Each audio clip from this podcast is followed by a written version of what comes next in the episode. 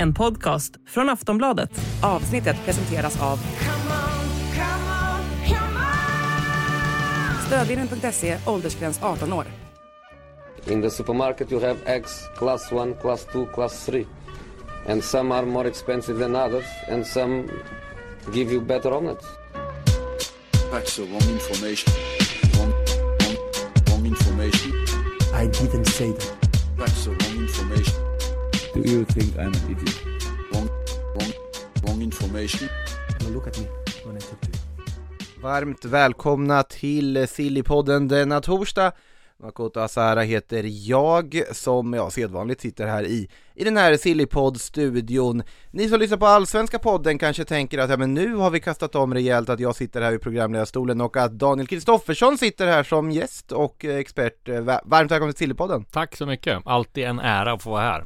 Ja, ni hann väl inte prata så mycket Silly senaste eh, Allsvenska podden Nej, va? framförallt hann vi inte ta upp det här stora som hände att IFK Göteborg sparkade Mikael Stare med tre veckor kvar till allsvenska premiären. Men vet du vart eh, ni tog upp det istället? Det gjorde I ni Sportbladet Daily.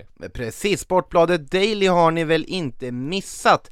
Vår eh, nya poddsatsning, en podd varje dag faktiskt på runt, eh, runt en dryg kvart om någonting aktuellt inom idrottens vida värld. Idag Mm. så pratar jag hockey med eh, Hans Abrahamsson om Brynäs kris där, bara en sån sak. Ja, Eh, Så vi alla ger oss ut på outforskade territorier. Men vet ni vad, vi ska faktiskt ta upp, det blir lite mer allsvensk fokus här idag givetvis. Det är ju ett fönster som till att börja med är öppet, till eh, skillnad från det europeiska stora fönstret och mycket som händer där.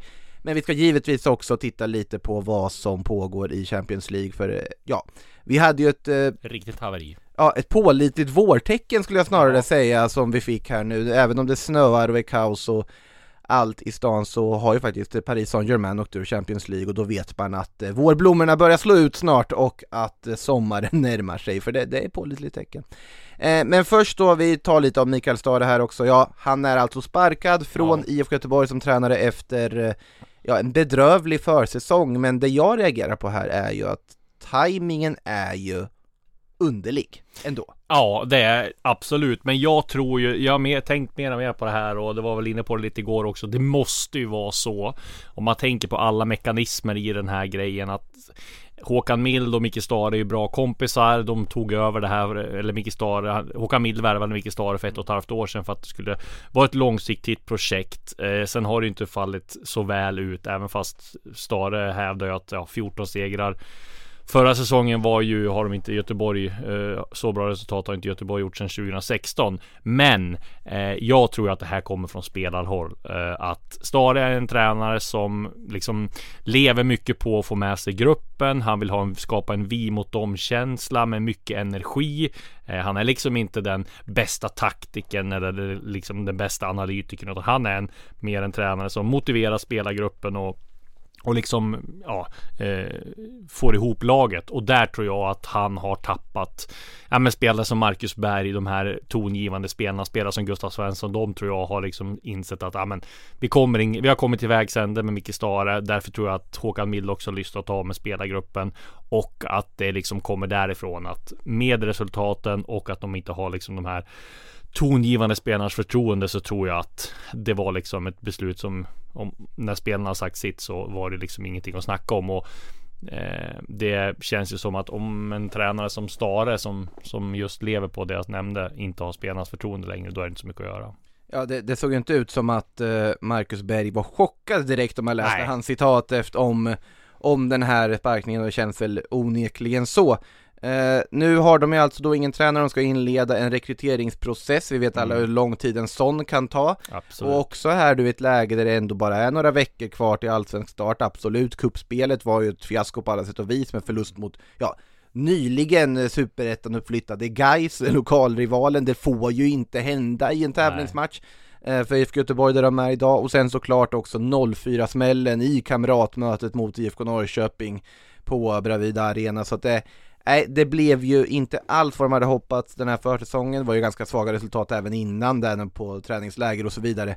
Eh, för en trupp som ändå värvat in ganska mycket. Det måste fråga sig här, har förväntningarna på IFK Göteborg satts för högt? Jo men det har han väl. Att, eh, Jag tror att det, det är ju en om man tittar liksom, om man går några år tillbaka så, så har det varit turbulent. Det har varit många tränare som har fått lämna Poja, Roland Nilsson. Eh, om vi går ännu längre tillbaks, Jörgen Lennartsson och sådär. Så det är klart att det har varit turbulent och de har inte fått de här resultaten. Samtidigt har de ju samma krav på sig som AIK, Hammarby, Djurgården. Eh, som har en mycket större kassakista, som har eh, haft mycket mer stabilitet över tid. Får man ändå säga. Och det är klart att just de här höga förväntningarna tillsammans med de här eh, plattmatcherna mot Gais och Norrköping gjorde väl också sitt till. Och, mm men det är klart, det är inte bara ett tränarproblem här. IFK Göteborg har ju mycket större problem än så. Det, det är som, ja, vi ska väl komma in på det senare, men gå igenom värvningarna. Ja, det var jättehåsade värvningar till en början. Det såg väldigt bra ut namnmässigt. Men hittills har det inte alls sett bra. Men det är möjligt att en ny tränare kan få fart på de här värvningarna. Men tittar man truppmässigt så, så har IFK Göteborg ett bra lag. Men de andra topplagen ligger ju mycket längre fram och har lika värvat ungefär lika bra. Om inte bättre.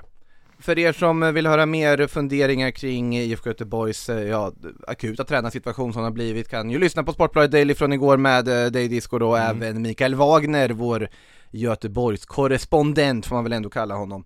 Eh, så det kan ni göra där. Vidare här då till annat som är, vad är på pipeline just nu? Det är ju många klubbar som har värvat mycket redan och har väl i princip satt sina trupper inför ja.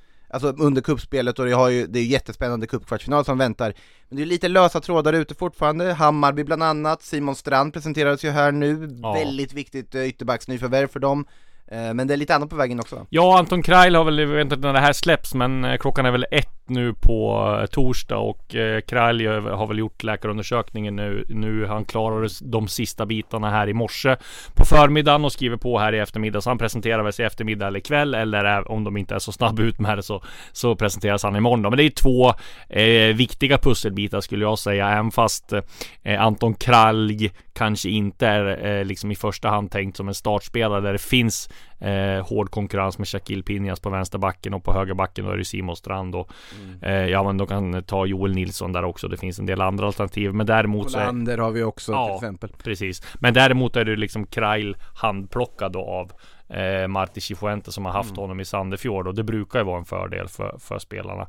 Eh, Simon Strand är det mentaliteten de vill ha även fast och, och, även med hans offensiva kvaliteter. Det här är liksom två värvningar som har dragit ut på tiden väldigt mycket. Eh, första kontakten med Simon Strand togs i november. Första kontakten med Kralj togs i december så att det har varit långdragna processer med att få klart klart de här två. Men det man kan säga också är att Kralj är ju billigare, kommer som bossman, mer tänkt som backup. Simon Strand har de köpt loss, eh, mer tänkt för, för startelvan. Men vi får se vad som händer där. Men eh, i och med det då så sa ju Jesper Jansson att de var ganska klara eh, på värvningsfronten och de tittar väl om de skulle få eh, en rollspelare, en nummer nio, eh, väldigt billigt då, men Eh, som jag fattade på eh, sportchef Jesper Jansson så stänger de fönstret i och med de här värvningarna och i och med att de unga spelarna, offensiva spelarna har gått så bra. Mm.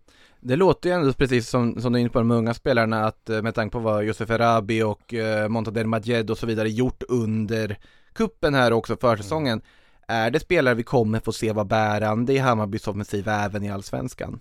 Alltså jag två, alltså Montader Majed har ju sett ruskigt bra ut så mm. det är väl ingen vågad gissning att han startar derbyt. Eh, sen eh, har du Viktor Djukanovic som jag ja. tror redan nu är en spelare som kommer starta för Hammarby i allsvenska premiären. Mm. Erabi och Majed är väl lite eh, osäkert tror jag. De är kanske inte lika färdiga som Djukanovic, men det är klart att vi kommer få se mycket av framförallt Montader Majed då. Sen har vi Fredrik Hammar också på, på mittfältet där det är väldigt hård konkurrens mm. med han har slagit sig in. Så att det ser ju väldigt ljust ut för Hammarby just på liksom den uh, unga fronten. Men även tycker jag Uh, när de har fått in Kralj och uh, Simon Strand så ser det ju väldigt bra ut truppmässigt. Det är väldigt många bra spelare som kommer att få sitta på bänken, till och med sitta på läktaren. Så att uh, hade du frågat mig för två veckor sedan om de inte hade gjort klart de här ytterbacksvärvningarna så hade jag väl sagt att de inte skulle liksom kunna supportrarna kunna kräva att komma topp tre. Men nu tycker jag liksom det finns liksom inga ursäkter för att Hammarby inte ska vara topp tre när vi summerar det här. För så bra lag har de och så bra ekonomisk situation har de. Eh, och det är väldigt många unga som kan slå igenom. Ja, vi, vi kanske kommer tillbaka till Hammarby en stund när vi ska gå igenom lite mer eh, summerande av vad som hänt hittills under det här fönstret. Men först, eh, det är lite annat som ändå är aktuellt här och nu. Eh, om eh, IFK Göteborgs tränarsituation är diffus så är väl Djurgårdens desto mer klar för Kim Ja. ska inte flytta på sig. Nej, precis.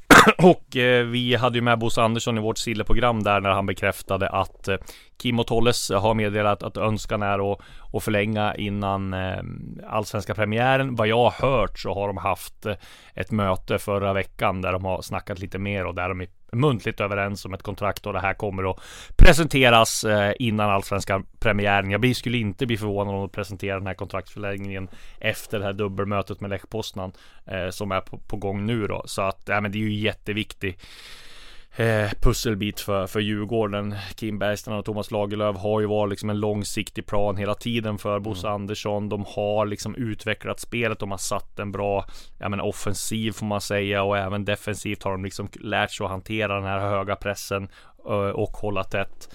Eh, Så att det är ju, är ju en jätteviktig del i i Djurgårdens satsning. Sen så eh, brukar man ju säga det att tränare som kommer topp eh, två eller topp tre och vinner SM-guld brukar bli föremål för utländska klubbar och det var ju snack om Per-Mattias Högmo också utomlands men han förlängde och eh, Kim och Tolle har väl den nackdelen om de ska utomlands att det är två tränare och eh, delat ledarskap är väl ingenting som eh, utländska klubbar eh, kör sådär mycket av och det är ju eh, man har ju nackdel också av att ja, lönerna eh, kan ju inte ligga Nej, det, det blir väl det att även om kanske då Tolle på pappret är en assisterande tränare i, i liksom Europasammanhang och sånt Ja. så blir det ju ändå att det är, de är ju en duo. Ja, Det, det, det går ju inte att eh, liksom rucka på dem, jag kan Nej. inte tänka mig Kim utan Tolle och Tolle utan Kim. Sen, sen skulle de säkert aldrig medge att det är så, men så är det ju. Ja. Eh, vi, när vi ändå är inne på Djurgården kan vi faktiskt slänga in en fråga här också för alltså det är ju så att Djurgården ska ju spela ikväll i Europaspelet Mm. i Europa Conference League borta mot Lech Poznan. Eh, de fick ju bemötandet som alla lag får när man åker på bortamatch. Fyrverkerier. Ja det det är ju klassiskt. Vad var det? Det var väl, det var väl någon, det var Liverpool som gjorde det tror jag när Real Madrid skulle åka till Anfield här nu men de hade ju missat den här tanken att Ja men vadå, Madridspelarna, sp- spanjorerna, men de äter ju middag vid midnatt, det där är ju inga konstigheter. Ja, exakt. Vad, vad, vad trevligt med lite fyrverkerier som det slår igång här, Ja. och kul! Nej men eh, som sagt Djurgården en eh, väldigt spännande bortamatch mot Lech Poznan, Eh, en fråga här från då Dipsås som påminner dig om att du dömde ut i redan i första kvalmatchen mot Rijeka säger han, jag kan inte be- bekräfta om det stämmer eller inte. Men vad tror du om kvällens drabbning i åttondelen? Nej men det, det här är ju liksom Lech Poznan är väl en bra lottning för Djurgården och jag menar de har ju eh, är ju igång med, med ligaspelet och liksom är ju eh, liksom snäppet före Djurgården. Jag menar kvalitets och truppmässigt så har och liksom ekonomiskt så går det liksom inte heller att jämföra. Jag menar bara en sån som Mikael Ishak som förlängde sitt kontrakt här och efter att ha öst in mål. Jag tror han tjänar 12 eller 13 miljoner netto per år och Jesper Karlström också som är där på mitten och härjar som har ett väldigt bra kontrakt. Så att de ligger ju eh, långt före Djurgården och jag skulle väl säga att det är väl 60-40 eh, till Lech Poznans fördel skulle jag vilja säga. Men har de en dålig dag, det är klart Djurgården kan hota dem. Det som är lite negativt för Djurgården, det såg ju inte så där jättebra ut mot BP senast då, även fast det har sett hyfsat stabilt ut i, i Svenska cupen och att man inte gick vidare hyfsat eh, lätt från gruppen. Så nej, men jag skulle vilja säga att Lech Poznan är favorit och jag tror det blir svårt över två matcher just det här med att de, deras säsong är igång också har ju, brukar ju vara en, en fördel för de lagen. Men, men jag tror att Djurgården kan ge dem en väldigt bra match och det ska ju bli framförallt bli en eh, där de ska sikta på är att de får med sig ett bra resultat. Förlora med ett mål gör ju ingenting borta liksom. När bortamålsregeln är borta så kan det bli en ruggig eh, match eh, hemma på liksom på Tele2 Arena mot Lech Poznan där de kommer eh, mobilisera publiken och sådär. Man har ju redan sett nu eh, borta förut i Djurgården är ju väldigt stort också. Man har sett flygbilder och sådär. Så att nej men klar, eh, klar eh, jag skulle säga klar, i alla fall fördel Lech Poznan och jag tror väl att över två så, så går Lech Poznan vidare men eh, Djurgården har bra chanser ändå. Mm. Eh, vi, en till grej här som du skickade till dig, nu känner jag mig lite som Patrik Syk här när jag kör ett eh, körschema som inte jag har gjort för att programleder, som det brukar vara annars. Eh, men eh, Noah Eile Vad Ja, händer med honom? nej men precis. Han blir ju utlånad till, eh, till eh, Mjällby. Malmö-talangen då Ja, precis. Eh, och där har vi ju, eh, de har ju haft väldigt eh, goda, vad heter det, mm, förbindelser Malmö och Mjällby. Jag tänker fram, framförallt på eh, en spelare som jag gjorde en intervju med, Amin Sarr. Han var ju också, Mm. eh, vad heter det, mm, utlånad till, eh, vad heter det, mm, Mjällby. Mjällby och gjorde ju dundersuccé och sen så såldes han för 140 miljoner. Eh, så att det är klart att det är ju väldigt bra eh, plantskola där och jag tror att han kommer lyckas väldigt bra. Sen om det blir en lika stor succé som Amin Sarr kanske inte vi ska räkna med. Men det är klart att eh, en eh, och det, det jag såg också i Marbella liksom just alla Malmös unga spelare, bara en sån som Hugo Bolin till exempel och, och, och sådär. Det finns ju väldigt mycket kvalitet. Han, eh, Malmö har ju en liksom en två startelver så det är klart att kanske kommer låna ut mer spelare. Och, nej, jag tror de kommer bidra med väldigt mycket till, eh, till Mjällby. Men eh, vi slår fast alltså att, eh, vad blir det, 2025, 2026 där någon gång så Noah Eile går till typ Rennes för Ja, exakt. 130-140. Exakt. Kul för Noah! Ja. Ja, Nej, vi får se, men som sagt, eh, Amin Sarr har ju visat vägen eh, i alla fall där om att Ja, vad, ett sådant lån kan ge. Om ni inte har läst intervjun med Amin Sarr så in och gör det på Sportbladet.se och dessutom då som sagt, du nämnde ju dem förut också, Silly-programmen med allsvenskt fokus på Djurgården, Hammarby och de andra exakt. toppklubbarna som finns ute på sajten. Eh, missa inte det. Men för er som inte har sett dem eller inte har följt det allsvenska fönstret, om man ska bara kortfattat då, vilka är hittills, nu när vi ändå börjar hitta någon form av summering av det här fönstret, det är ju inte samma hets under slutspurten av fönstret i och med att du har kuppen och du vill sätta truppen ganska tidigt. Vilka är de stora vinnarna i eh, detta vinterfönster inför allsvenska året 2023? Nej, det finns ju, man kan ta så här, det finns ju väldigt många lag som har värvat smart och har sett hyfsat bra ut på, på försäsongen. Men till exempel Varberg som hittar alltid de här liksom guldkornen i, nu har Jocke Persson varit nere och letat i franska division 5. PSGs B-lag har de värvat en spelare från El Ouatki, eh, Yassin El Ouatki som jag gissar kommer bidra rätt mycket liksom, har en billig värvning och sådär. Så det är klart att sådana säger, men när man ska titta på topplagen så känns det ju som när AIK fick in Viktor Fischer, eh, när AIK hittade rätt med Rui Modesto eh, och man fick Jimmy Durmas Eh, och man fick in Magashi och så Keitaro som en bonus som man inte riktigt vet var han står. Det känns som om just att liksom Manuel Lindberg lovade de här sillybomberna och man fick Durmas och Fischer eh, så känns det som att de är rätt bra vinnare. Det känns också som att Hammarby, även fast man hade lite knackigt där, man hade i princip gjort klart med Noah Persson från Mjällby, man hade liksom en, eh, nästan en bokad flygbiljett och så att, att han skulle liksom hade räknat med att han skulle komma till lägret, men där kom ju eh, Young Boys in då och, och snodde honom. Så hade man lite otur där, men det har ju studsats rätt ändå nu. Man har fått in Mikkelsen, en, en ganska dyr värvning De har ju också Tromsö. tappat en halv startelv. Ja, precis. Den lilla aspekten E- det hela Exakt. Mm. men där tycker jag ändå man har fått in bra och sen har man lyckats med, med det här med HTF fått in unga spelarna så det är klart att de känns ju också som vinnare. Och sen måste man ju nämna Djurgården och där har man ju inte gjort så mycket men där man har kunnat behålla kontinuiteten och fått in Carlos Moros Gracia tidigt, Oliver Berg tidigt, Jakob Bergström tidigt, kryddat med tre av eh, vet jag, svensk fotbolls kanske största talanger i Theo Bergvall, Lukas Bergvall och Wilmer Oderfalk. Eh, eh, så, och även tagit in Oskar Falenius såklart. Nej, Djurgården skulle jag väl säga som de absolut främsta vinnarna. Eh, om vi ska gå på några förlorare så känns det just nu då som IFK Göteborg går inte att nämna.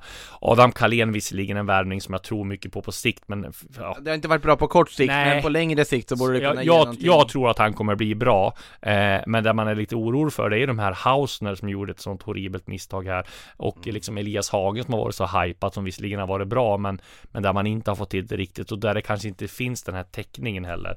Pontus Dahlberg är skadad och så, så hittills får jag säga att Göteborg är väl stora förlorarna i liksom transferfönstret. Men det kan ju ändra på sig. Det kan ju bli så att de här blir jättebra också.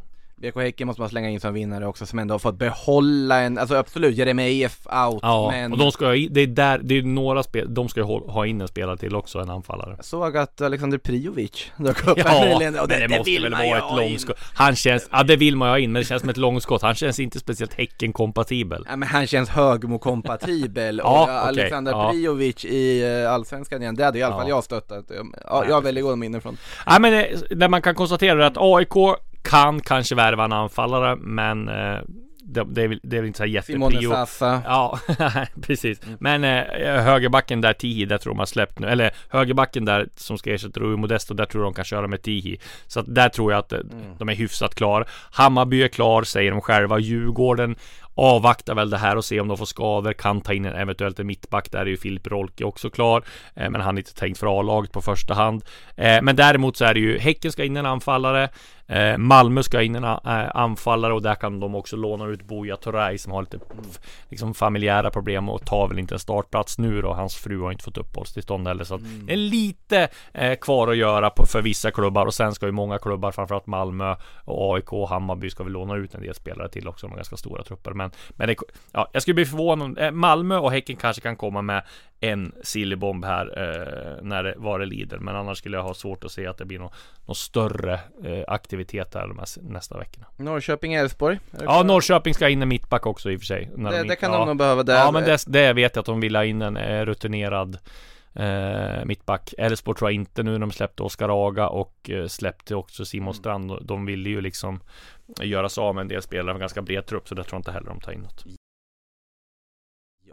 Eh, det är läget alltså i Allsvenskan, det här fönstret stänger alltså här sista mars och nu närmar det ju sig allsvensk premiär. Till att börja med har vi ju otroligt spännande cup. Kvartsfinalen ser fram emot i helgen, Djurgården som ställs mot Malmö, skulle ha gjort det på en måndag, blev en söndag. Eh, Hammarby möter AIK, skulle gjort det på en söndag, blev en måndag istället. Nu kanske jag sa samma sak. och- Ja, I alla fall. Derbyt måndag är ju spännande. Derbyt måndag är ju onekligen spännande. IFK Norrköping ska fortsätta på sin Göteborgsvistelse. Det är helt Mm. sanslöst den lottningen. Att man alltså då i gruppspelet har IFK Göteborg, Gais och Utsikten. De är mer eller mindre bosätter sig på västkusten. Och givetvis ska de tillbaka till Bravida Arena och när den här försäsongen summeras så har de ju varit mer på Bravida Arena än vad de har varit på, på sin egen hemmaplan, vilket ju är helt makalöst egentligen. Hur, hur det kan bli som en lotten. Såg en rolig photoshopad grej på Twitter. Det var Tona, eh, Tony Tonna Martinsson som höll i en skylt och så stod det Hisingen är ingen ö. Det var liksom det värsta man kunde säga till Häckensupportrar. Ja, lite roligt. Ja, nej det... Den var photoshoppad. Ja, och så givetvis måste vi prata om eh, Kal Kalmar-Mjällby har vi också jättespännande Ja. möte där. Vad, man, Kalmar måste man säga någonting om också, det har ju ändå förändrats lite där. Ja, verkligen. Men alltså, Henrik Jensen, nye tränaren, verkar ju ha fått till det ganska bra. De har fått behålla Friedrich som har varit på väg till Bodø Glimt men verkar bli för dyr där och det är klart att eh, ja eh, jag trodde ju inte alls att de skulle liksom se så här bra ut så här tidigt. En ny spelare, ny tränare tappat väl eh, Oliver Berg som kanske var den viktigaste spelaren tidigare så- och framförallt Rydström så att, nej men spännande med, med Kalmar ändå var jag vet att Jörgen Pettersson hade ju en förkärlek för, till Danmark och nu har han fått en en eh, tränare från just eh, Danmark och ja, det blir, blir spännande att se vad de kan göra för att allt liksom att Kalmar skulle ha krav på sig med att komma topp fem eller det känns ju som alldeles för höga krav men jag tror att ja, det blir spännande att se vad han kan göra Henrik Jensen. Robert Gojan i ena säsongens värvningar, kommer ihåg var ni hörde det först. Jag tycker, Ja. jag tycker det är jätte, jättesmart värvning av Mm. kan de verkligen. Känns väldigt karma kom kompatibel. Otroligt, ja. Eh, så är det med det. Ett, eh, ett sammanhang som vi inte har så mycket svenskkopplingar i nu för tiden, det är ju Champions League. Även om eh, Djurgården så spelar i Europa Conference League i år i slutspel och det är väldigt kul att se vad de ska göra där.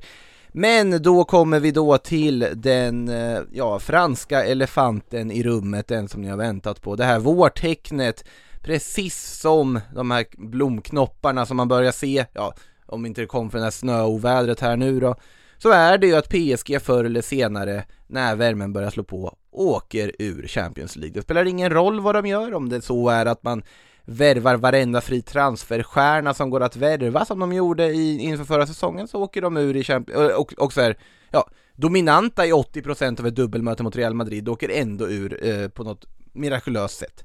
Nu möter man Bayern München, eller mötet Bayern München där man hade en 1-0 underläge från första mötet åker till Allianz Arena och det kunde blivit mer än 2-0 för den andra halvleken Ja det är ju spel mot ett, alltså, om, om Leroy Sané hade haft någon form av effektivitet i sitt spel, Ja. vilket han inte hade i den här matchen eh, Då hade det kunnat bli mer Men ja, vad, vad kan man säga om, eh, om det här PSG? Ja men det är ett ruggigt haveri eh, och jag menar man ska komma ihåg att de möter ju inte ett, Bayern München i, liksom från fornstora dagar heller. Det, var ju varit, det är ju ganska jämnt i Bundesliga nu har det varit i alla fall och Nagelsmann har ju varit lite ifrågasatt får man, får man säga ändå.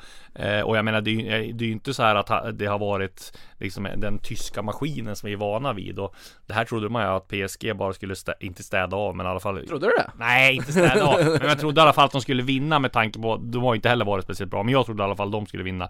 Men eh, det vad man kan säga är väl att det, huvuden kommer rulla nu i, i PSG känns det som. De ska redan ha haft ett krismöte Där, eh, ja, om Nasser El Khelaifi här Ägaren skulle ner och Inte spöa domaren men i alla fall skälla ut domaren När de åkte ur eh, i förra året så Har de väl hållit ett krismöte nu då och han, det är väl både eh, Ja men Luis Campos känns, dagar känns ju räknade i klubben i alla fall, eller? Alltså det, det är ju det här att Det var ju så intressant det de gör inför den här säsongen för om de värvade Ja, alltså storstjärna efter storstjärna, alla som var tillgängliga, Messi, Ramos, Donnarumma och så vidare Förra sommaren, eller alltså sommaren 21 den här sommaren så har de ju haft någon sorts FM-verksamhet istället när man tar in Galtier som aldrig har varit en storklubb förut men är ansedd som en väldigt intressant up and coming tränare. Mm. Up and coming kanske jag tar i, så, så purung är väl inte Galtier.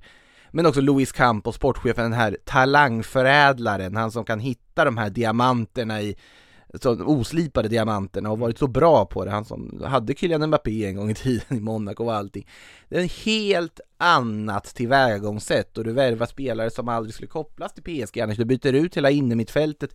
Titta på värvning som Vitinha hade ju inte PSG gjort tidigare men det tycker jag varit en strålande värvning.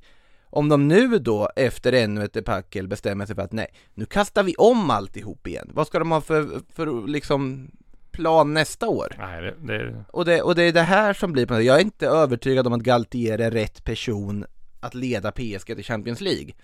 nej. Men det som saknas i PSG, det är ju inte vissa stjärnor, det är inte vissa saker. Det är någon form av tålamod och stringens och förmåga att tänka längre än typ ett, två år, för det har de inte haft de senaste tio åren. Nej, och jag minns bara när jag var när nere och bevakade Mm. när Zlatan var där, då var ju vi väldigt liksom nära klubben och sådär och man såg där och då var det liksom samma sak där, det var storstjärnor, Thiago Silva, David Luiz, eh, Mm. eh, Cavani, Zlatan och allihopa, Verratti var ju sin prime då också. Då var det ju det här, det var ju liksom samma snack då, att nu måste vi ha tålamod, PSG kommer vinna om fem år, kommer vinna Champions League om fem år. Men man undrar ju hur liksom tålamodet för eh, liksom eh, Nasser eh, Al-Khelaifi är nu om man tycker det här är lika roligt längre för nu har det gått så många år och han har spenderat så många miljarder men fortfarande så har de inte vunnit Champions League och det har ju varit liksom målet för hela projektet här och nu som jag sa det, det börjar gå fler, för, för länge nu känns det som. Ja men de vill ju verk- det, det finns ganska starka uppgifter om att de vill tillbaka till Thomas Tuchel nu. Ja, Och jag tycker väl från början att när de sparkade Thomas Tuchel den där julaftonen för, i förmån för Pochettino att det var ett väldigt underligt drag, absolut. De gick inte alls bra i ligan under den Nej. perioden, men det är ju inte ligan som är grejen här. nej det skiter ju de i fullständigt. PSG vinner ligan jämt typ. Ja men det, och det, och det, det är inte det som ska vara deras prio, deras Nej. prio ska vara att bygga någonting långsiktigt hållbart. Det är bara att titta på vad Chelsea har gjort nu, vi kommer till dem också såklart, men som som försöker på något sätt expressbygga långsiktigt projekt. Skillnaden här är att de bygger någonting på med massa pengar som är menat att vara långsiktigt. Mm. PSG bygger med en tanke, väldigt, väldigt kort tanke att nu ska det här ge någonting. Jag tycker absolut att få in Lionel Messi på fri transfer, det var ju helt rätt såklart de ska göra det om de har möjlighet att göra det. En sån fantastisk spelare kan ju göra skillnaden. Men nu har det ju snarare blivit så att hela den klubben, det har vi pratat om i den här podden väldigt många gånger förut, det är ju en dokusåpa på alla sätt och vis. Det är så mycket annat än vad de gör på planen det handlar om. Och jag kan ju tycka det har varit väldigt befriande att se dem. Men ge Galtier Campos ett år till då. Exakt. Sen kan det absolut, sen finns det en smärtgräns också om det är för dåliga resultat, säg att de tappar i ligan nu också. De har ju åkt ur Franska Cupen med dunder och brak tidigt. De åker ur Champions League här nu, må så vara mot ett Bayern München. Eh, Men ge dem möjlighet att åtminstone visa någon form av positiv tendens och se vad det här kan ge på sikt. Sen såklart, ja, jag tror ju inte att Galtier får kvar, jag har svårt att se det. Jag tror att han kommer att eh, ryka och att de kommer ta in någon annan. Men då gäller det att åtminstone den tränaren kommer in och får någon form av möjlighet att i lugn och ro bygga någonting, för annars kommer de inte gå. De har slösat bort tio år på att vara så kortsiktiga. Ja. Eh, och sen absolut i hela den här frågan, det är konstanta diskussioner, Mbappé, Messi, Neymar. När du har sådana spelare såklart ska kunna vinna Champions League, såklart de hade kunnat vinna Champions League. Men det har inte funkat. Nej.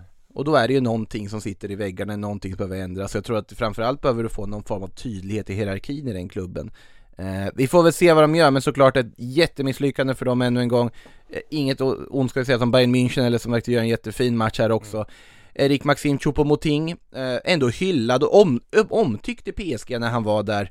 Eh, avgör mot sin gamla klubb även om han inte gjorde så mycket nytta för PSG egentligen. Men skillnaden är väl att han inte var en sån här bling-bling-spelare. Han var inte en superstjärna, han var någon som bara kämpade på och kom på fri transfer. Nu, nu har han gjort succé i Bayern München istället. Eh, vi får väl se vad som händer. Ett annat lag som får eh, blicka vidare på annat är ju Tottenham som också slogs ut 0-0 i en ganska händelsefattig match mot Milan. ja, det var en riktigt tråkig match. Ja det var inte mycket som hände i den tillställningen. Ja det var, det var Christian Romeros, eh, ja det var väl klaraste andra gula kort man har sett. Det får man ändå säga. När han eh, golvar Theo Hernandez fullkomligt och tar ett rött som, som Christian Romero ibland gör. Eh, då fick ju Antonio Conte massa frågor om sin framtid också och han sa ju bara att jag har ett eh, kontrakt säsongen ut, sen får vi se. Lite Ja. så. Och det känns han, som... det känns som han har velat bort ett tag eller? Känns, Ja, alltså- han var trött, han vill ju, Ja, han vill ju hem till så. Italien. Ja, det känns ju så faktiskt. Ja, jag vet jag tror det var eh, kollega Frida Fagerlund som använde den eh, terminologin att han ville nog åka med Milan tillbaka liksom efter med deras Ja. flyg tillbaka till Italien och, och hänga där. Eh, Han leder till Milan såklart, har första kvartsfinalplats på 11 år, en viktig nyckel i det såklart defensiven i den här matchen när de stänger ner Harry Kane, Hyun-Min Son, Dejan Kulusevski Eh, en arg Rickarlison, eh, vet inte om du såg den intervjun efter Nej, jag missade den. Han var ju rasande, den här säsongen har varit skit konstaterade han kort och gott Han hade väl förväntat sig att få mer chanser än vad han har fått efter sin övergång Ja men och framförallt hade vi Tottenham ett gynnande läge här, samma sak där. Kolla på Serie A, Milan är ju liksom inte heller vad de var tidigare. Utan det, det är ju liksom Tottenham hade ju ett jätteläge här. mm, Ja det, det ska de göra något bättre av eh, Det måste ju sig ändå Milan-defensiven, Malik Thiaw, eh, tysken som har kommit in unga Så man undrar varför fick inte han chansen tidigare?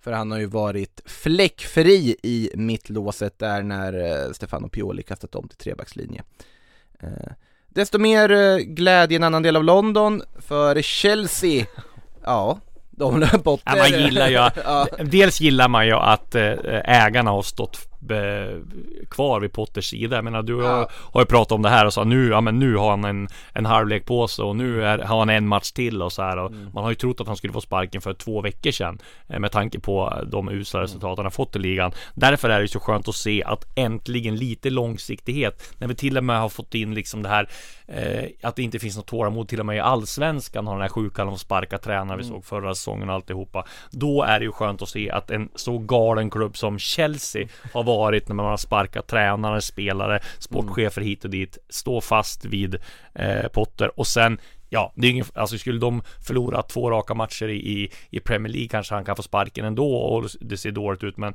det är ändå skönt att de får den här eh, avancemanget till, till Champions League i alla fall. Alltså det, det, det mest Chelsea som de skulle kunna göra nu är att sparka Potter efter segern. Ja, precis. Det hade varit Exakt. otroligt mycket Nej, men eh, där, för det var ju faktiskt så att absolut, de vinner den här matchen, de gör en jättefin insats mot eh, Dortmund tycker jag överlag, men såklart att det finns fortfarande saker att ifrågasätta. Alltså effektiviteten framför mål, hur många chanser de behöver för att skapa ett mål är helt makalöst och det håller inte på sikt.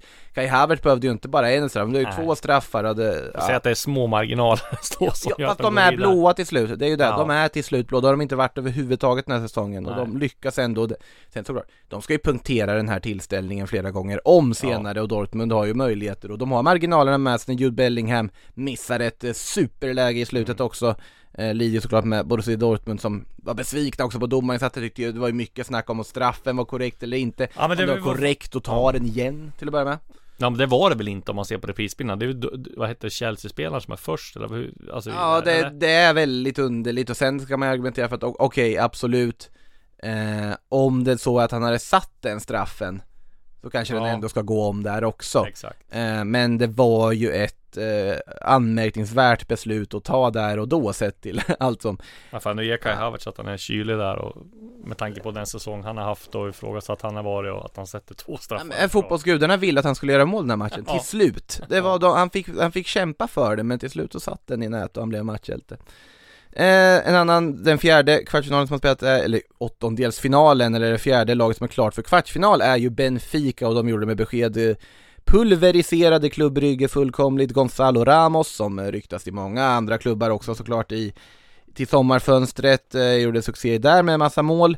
Eh, Men där fick ju också effekter i klubbrygge för Scott Parker som har tränat dem i 12 matcher, han är nu mer sparkad eh, Och det var ju förståeligt med tanke på att det inte funkat överhuvudtaget Nej, det var där. en konstig rekrytering från början. Han- Jag tror att han har väl haft, jag kommer ihåg när eh, Alexander Kasanicki spelade Fulham och, och jag var utsänd korre där, då var ju han, Scott Parker, hade ju väldigt högt anseende i England och lagkapten och alltihopa och han liksom sen, de har ju en förmåga i England, de här gamla spelarna, att få att, att de blir tränare och sen får de ett, visserligen har Scott Parker hyfsade resultat, men de har ju en chans att bli upp, eller de har en förmåga att bli upphåsade till något som de inte är. Och det var ju många som höjde kanske lite på ögonbrynen när Genk värvade honom, ganska hyfsat oprövad manager Scott Parker och sen visade det sig att han inte håller alls. Och det, det är väl nackdelen. Vi har sett många engelska tränare tidigare fotbollsspelare, tänker framförallt på Paolo Di Canio eh, som blev, eh, som bara, som bara, bara, först har de kommit och så har de tagit över och sen har de bara rasat ner i tränarhierarkin och, och nu finns de inte. Så att, Ja, kan ju hade väl andra problem Ja, jo, absolut, det hade han ju, men, men just, Eh. det f- finns ju väldigt många andra exempel. Ja, nej, som sagt, eh, Scott Parker då i klubbrygge, 21 poäng efter skänk i belgiska ligan nu och det håller ju inte för en klubb som ändå var en historisk åttondelsfinal och gjorde ett jättefint gruppspel. Jag förstår inte riktigt hur det där gick till alltihopa, men då är det plötsligt total kris där och ja, Benfica kunde ju vunnit med mer i den här matchen också. Om Äh. några år, bara en kort, Ja. om några år Då kanske vi får se Scott Parker skicka in sitt CV till allsvenska klubbar Det brukar vara ganska populärt bland tidigare Tony Adams och Robbie Fowler sökte ju jobbet i Hammarby när eh, Martin Cifuentes eh, eh, blev tillfrågad Eller när han fick jobbet Men när är första gången vi får se någon falla för det här och bara ta någon då? Ja, precis Det är där man vill se. Sol Campbell har också sökt jobb i, i vad heter det, allsvenskan Men jag vet inte, jag kommer inte ihåg Ja men det här, det här är ju, det här är ju ganska intressant för just så här Nu tänker jag från när man satt och spelade fotboll manager för Mm. att alltid om det går några år på en all- allsvensk, säger vi, FM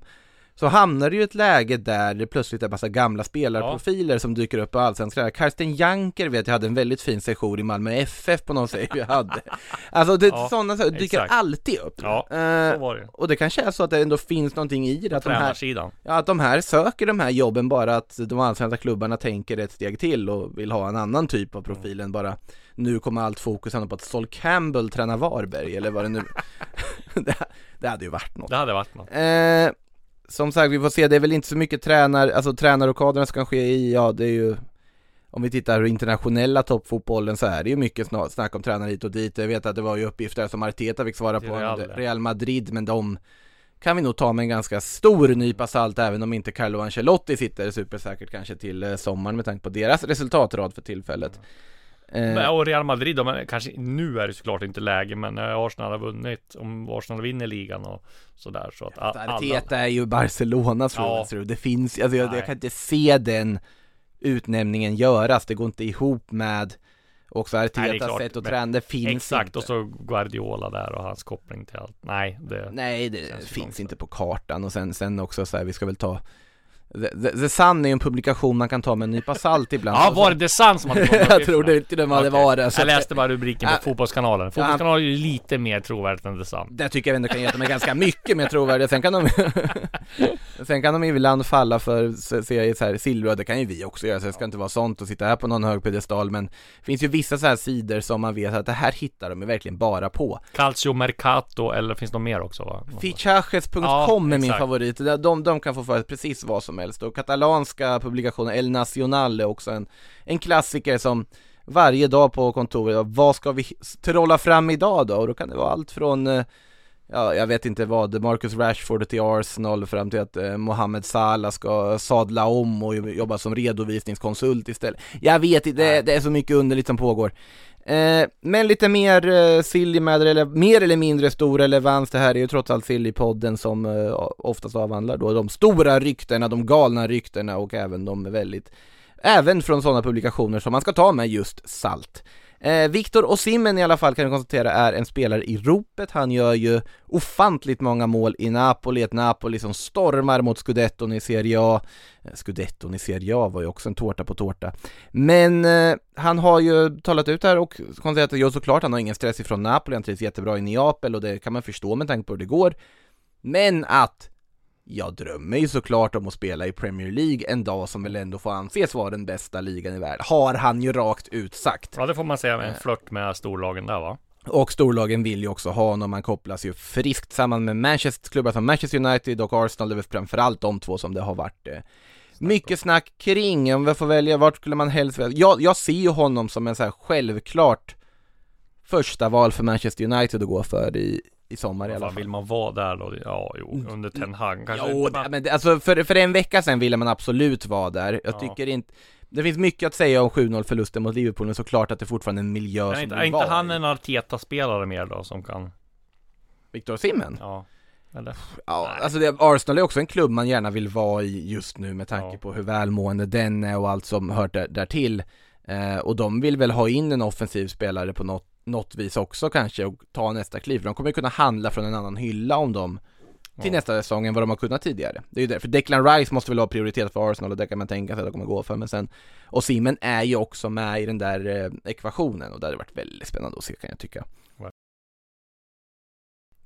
Eh, någon som inte har lyckats med sin januari-flytt, den som jag vet att eh, jag själv när man skulle ranka januari-värvningarna rankade som den bästa värvningen av samtliga som gjordes under januarifönstret. Det verkar nog inte bli det för att, eh, jo, Joao Cancelo absolut, han gjorde en assist när Bayern München slog PSG i Champions League här under gårdagen, men han är besviken, trött och eh, känner sig nästan förrådd, höll jag på att säga. För att han har faktiskt inte tagit plats i Bayern München. Han är petad i Mm. Bayern München efter det här lånet som hyllades unisont av hela hela journalistkåren och alla fotbollskännare. För att Bayern München tycker att han är tillräckligt bra defensivt. De är absolut inte intresserade av att köpa loss honom till sommaren och det verkar att han ska tillbaka till City igen nu och sen kanske säljas vidare därifrån. Det är man ändå lite förvånad över. Jag trodde man att han skulle köpas loss ganska tidigt eller? Ja, eller att att det var, en, det var ett fynd för Bayern Ja. München att värva en spelare som varit så bra som han har varit i City Fram tills han då har blivit Ja, roterad runt i ur den där startelvan och Rico Lewis som gjort eh, succé på den positionen och så vidare i City. Nu verkar det som att eh, Cancelo fortsätter leta vidare och då blir det väl lite mer i facit i hand Okej, Real Madrid kanske visste någonting som inte vi visste när vi har suttit och, och följt det på sidan av Att de då inte tackade ja till honom när de erbjöds honom eh, Och eh, en annan spelare som man kan notera kan vara på väg att röra på sig till sommaren är Roberto Firmino som mer eller mindre bekräftat då lämnar Liverpool efter säsongen. Direkt efter de uppgifterna kom så gjorde han det sista målet i 7-0-segern mot United. Eh, är ju många lag som letar efter fri transfervärvningar, Barcelona och Inter är två av Inte känns som klubbarna. en klockren värvning, de kommer gå för honom ja. Firmino ja. Ja. Ja, det, det känns eh, otroligt och det, det är ju inget nytt rykte heller just. Firmino och Inter, men det känns som en väldigt, Och när han är bossman också. ja, interkompatibel värvning på alla sätt och vis kan man väl lugnt konstatera. Eh, det var inte så mycket mer jag hade på köpet. Jag tycker Men- vi fick igenom en jävla massa. Däremot så har vi frågor. Så Ja. att vi är inte riktigt klara än, Nej, så jag släpper inte det än. Eh, och då kommer vi hoppa tillbaka, det är givetvis ganska mycket allsvenska frågor här Ja. i tråden. Eh, och någon som har signaturen FSG out, eh, ja, har också en bild på Liverpool United 7-0 som visningsbild och FSG out, det ska motsäga sig själv på något sätt alltihopa där. Eh, I alla fall, jag ska inte döma hur, vad folk tycker, vissa som inte är nöjda med FSG-styret i Liverpool, så är det ju. Eh, är inte Diff i desperat behov av mittback och vem bör de försöka få? Ja men det, de har inte desperat behov av mittback för de har ju både eh, Jesper Lövgren som har sett bra ut som kan spela där. De har eh, Rasmus Schüller som kan gå ner och spela där och de har Piotr Johansson som kan spela där.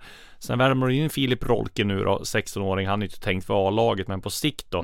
Men eh, som eh, Bosse Andersson sa i vårt program här så ha- de har inte för avsikt att värva en mittback nu. Men de kommer att avvakta och se vad händer i matcherna mot Poznan. Eh, hur ser det ut på försäsongen? Och eh, ja, de har inte helt avskrivet att värva en mittback. Men eh, eh om de hittar rätt och någon för, för hyfsat billig peng så kan det bli. Men om jag får tippa nu så tror jag inte de värvar någon. Men det kan ju ändra sig med tanke på hur det, om de får skador i po- Poznan-matcherna, om de får skador på, på försäsongen och på, på, på liksom i Svenska cupen-matcherna. Så att, eh, vi får, vi får avvakta där. Det är för tidigt att slå fast något. Men som eh, Bosse Andersson sa så har de inte för avsikt att värva mittback nu. Eh, du, du var inne lite på det i eh, Daily här nu senast, nu kommer vi tillbaka till Mikael Stare och Blåvitt och deras tränarsituation, men Johan som frågar vilken tränare tror du ligger närmast att ta över Blåvitt? Nej, jag tror väl inte att det finns någon som är nära just nu, men Mm. jag vet ju att de har haft Nils Fredriksen då som tog Bröndby till sin första titel på 16 år 2021. Han fick ordning på det laget efter att de har haft en eh, tid med väldigt stor turbulens. Där fick han visserligen gå då där i november eh, när de inte uppnådde målen och, och kraven. Men han har ju varit förbundskapten för danska u landslaget Han har varit sportchef i Lyngby. Han har varit tränare i Esbjerg. Så att hans rutin och, och profil. Han spelar, han spelar även 4-2-3-1 som Micke Stare försökte spela. Mm. Och liksom som är hans taktik. Så hans filosofi passar väldigt bra. Eh, sen finns det ju väldigt många spel och eh, tränare också. Om man tittar på rent eh, statistiskt och så har Blåvitt haft svenska tränare nu ända sedan Arne Erlandsens tid. Eh, Så att det kanske är dags för någon, antingen tänker man att det kanske är dags för någon utländsk och då ligger Danmark nära till hans. Eller Robbie Fowler? Ja, precis. Eller så tänker man att man fortsätter på det här svenska spåret och då finns det ju, ja men Jens Gustafsson hade ju varit drömnamnet för alla, alla svenska klubbar. Han sitter på en väldigt hög lön i, i Pogon Seshin och där han inte kommer få sparken tror jag, utan där klubbledningen har väldigt stort förtroende och tjänar, väl, ja, som, jag- som jag sa, 300 000 netto i månaden eh, är ju väldigt bra. Det kan ju inte Blåvitt erbjuda. Men eh, det, Det hade man inte gnällt på. Nej, det är ju drömvärvningen såklart. men ja, som det, det är väl någon, någon av de danska spåren Mm. ligger nog närmast till hans just nu. En eh, Malmöfråga har jag också från Magnus Harneman. MFF letar offensivt nyförvärv, det blev inget med Pione Sisto, gamla Celta-profilen. Eh, blir det Vecchia eller MFF någon annan spelare på ingång? Ja men Pione Sisto ska väl ha för höga lönekrav nu kom det senast från Danmark eh, och att Mm. de är överens med De var överens med Midtjylland då Midtjylland ska vi säga har ju velat få bort Pione Sisto från truppen ganska länge nu Han har inte lyckats där och är väldigt dyr Han tjänar 500 000 danska i månaden eh, Och ja, eh, han ska ju ha en lön i Isak Kiese klass då 18 miljoner i sign-on om han ska gå till Malmö om han ska vara liksom aktuell. Och jag tror inte man vill ta en chansning med för Pione Sisto är en ganska strulig spelare också. Liksom det är helt annorlunda än att värva Isak Kiese eh, Men det senaste från Danmark är att det inte blir någonting för hans lönekrav är för höga. Eh, Stefano Vecchia tror jag mycket väl att Rydström vill ha in och där tror jag att Malmö också kan betala det Rosenborg vill ha. Däremot så tror jag inte Rosenborg är så speciellt pigga på att släppa honom eh, Men det hade ju varit såklart drömvärvningen Ja, men det är inga andra offensiva Ja, ja de, som... de har kollat, kollat på att låna in Birmancevic till exempel och sådär eh, Tillbaka från Toulouse, han platsar inte riktigt där men Det vet jag inte heller om det blir någonting men vi får väl se och återkomma till, till det Malmö ska i alla fall in, in offensivt innan fönstret stänger Och det blir spännande att se vem det blir, Verkligen. givetvis där. Eh, och det har också en fråga från Arvids tankar kring ryktena på Jota. Och då är det ju Diogo Jota som åsyftas gissar jag på, Liverpool anfallaren som, ja det pratas om att de, han är till sal om rätt bud kommer i eh, sommar. Och det kan man förstå med tanke på anfallsuppsättningen, du har ju mycket spelare, du har ju mest Sala, Gakpo, Darwin Nunez, Luis Diaz han är tillbaka från skada och så vidare. Eh, men prislappen som rapporteras på, ja, det jag såg i alla fall runt 60 miljoner pund. Det kan de ju inte få för Nej, Diogo det känns Jota. för Det, högt. ja, det, Alltså alldeles för högt Eh, Så jag tror nog att han kan mycket väl bli kvar, de har ju ändå värvat för, de skulle bli av med Firmino också så att det Mm. finns ju en anledning att ha en bred trupp Nu kan det ju vara så att vi får se hur, vilken typ av Europaspel de måste rotera runt med nästa säsong, om det blir Champions League eller om det blir Europa League eller om det inte ens blir det Oklart ännu med eh, Liverpool Eh, och en fråga från Joakim, vi ska smyga in här också för Mbappé säger enligt Aftonbladet, jag tror att det är något citerat från någon annan ställe han har sagt det Vem, Men- vem på redaktionen ringde Mbappé? här? Ja, det undrar jag också. vad, vad, vem var där på desken som, som fick tag i Kylianer? Nej men, det enda som spelar roll för mig den här säsongen är att vinna ligan och sen får vi se, ja det är det citatet som har florerat. Varför vill han öppna upp att det ska börja spekuleras om att lämna? Det var inte länge sedan han skrev på ett nytt kontrakt som han är bunden av. Jo men det där kontraktet sträcker sig bara i två år med ett optionsår. Om det är någon som haft inte haft bekymmer med att svara kryptiskt för att eh, liksom förvirra vad han egentligen vill med sin framtid där, är Kylian Mbappé som konstant kopplas till Real Madrid och säkert också funderar fortfarande på Real Madrid en hel del och om han har gjort be rätt beslut eller inte. Men det är väl helt uppenbart att här och nu ska ju bara han fokusera på att vinna ligan och sen får man se vad han känner efter det. Lite breaking news här kommer Oj. från Norge angående just Stefano Vecchia. Eh, där eh, kommer senaste nytt. Eh, MFF har lagt ett bud. Eh, 28-åring ska vara sugen på en himmelsflytt till Malmö och de ska ha konkreta förhandlingar om en övergång. Nette, Nettavisen är ju väldigt eh, trovärdigt med tanke på att eh, eh de har väldigt bra insyn i Rosenborg. Eh, Stefano Vecchia säger också till, till ehm, Trondheim, äh, lokaltidningen i Trondheim att jag har hört om intresset. Utöver det finns inget att kommentera. Jag spelar fotboll i Rosenborg, säger han. Eh, jag gissar att han försöker pressa igenom en flytt till Malmö nu om han själv vill dit. Så att vi får se om Rosenborg vill släppa eller hur de gör. Det är en profil man vill se Ja, det är en ruggig, jag ruggig värvning är- för Malmö i så fall. Ja, Kommer ju till Rydström också som han hade i Sirius. Mm. Nej, spännande. Eh, lite breaking news här såklart, givetvis eh, är disco igång. Nu var det ju för sig Nettavisen som var igång, men likväl. Eh, Exakt.